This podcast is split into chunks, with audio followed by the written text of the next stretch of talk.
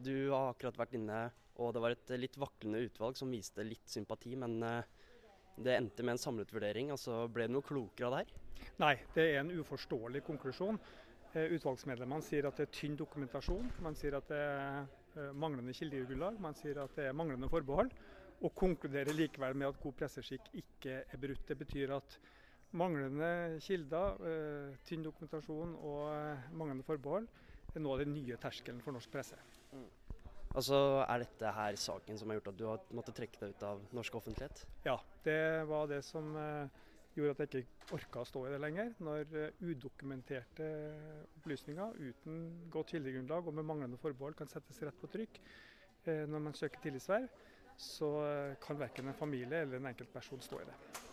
Men hva, hvordan var det for deg å sitte der inne når det var så vaklende? Nei, det var jo øh, egentlig ganske samstemt rundt bordet om at øh, disse sakene mangla dokumentasjon.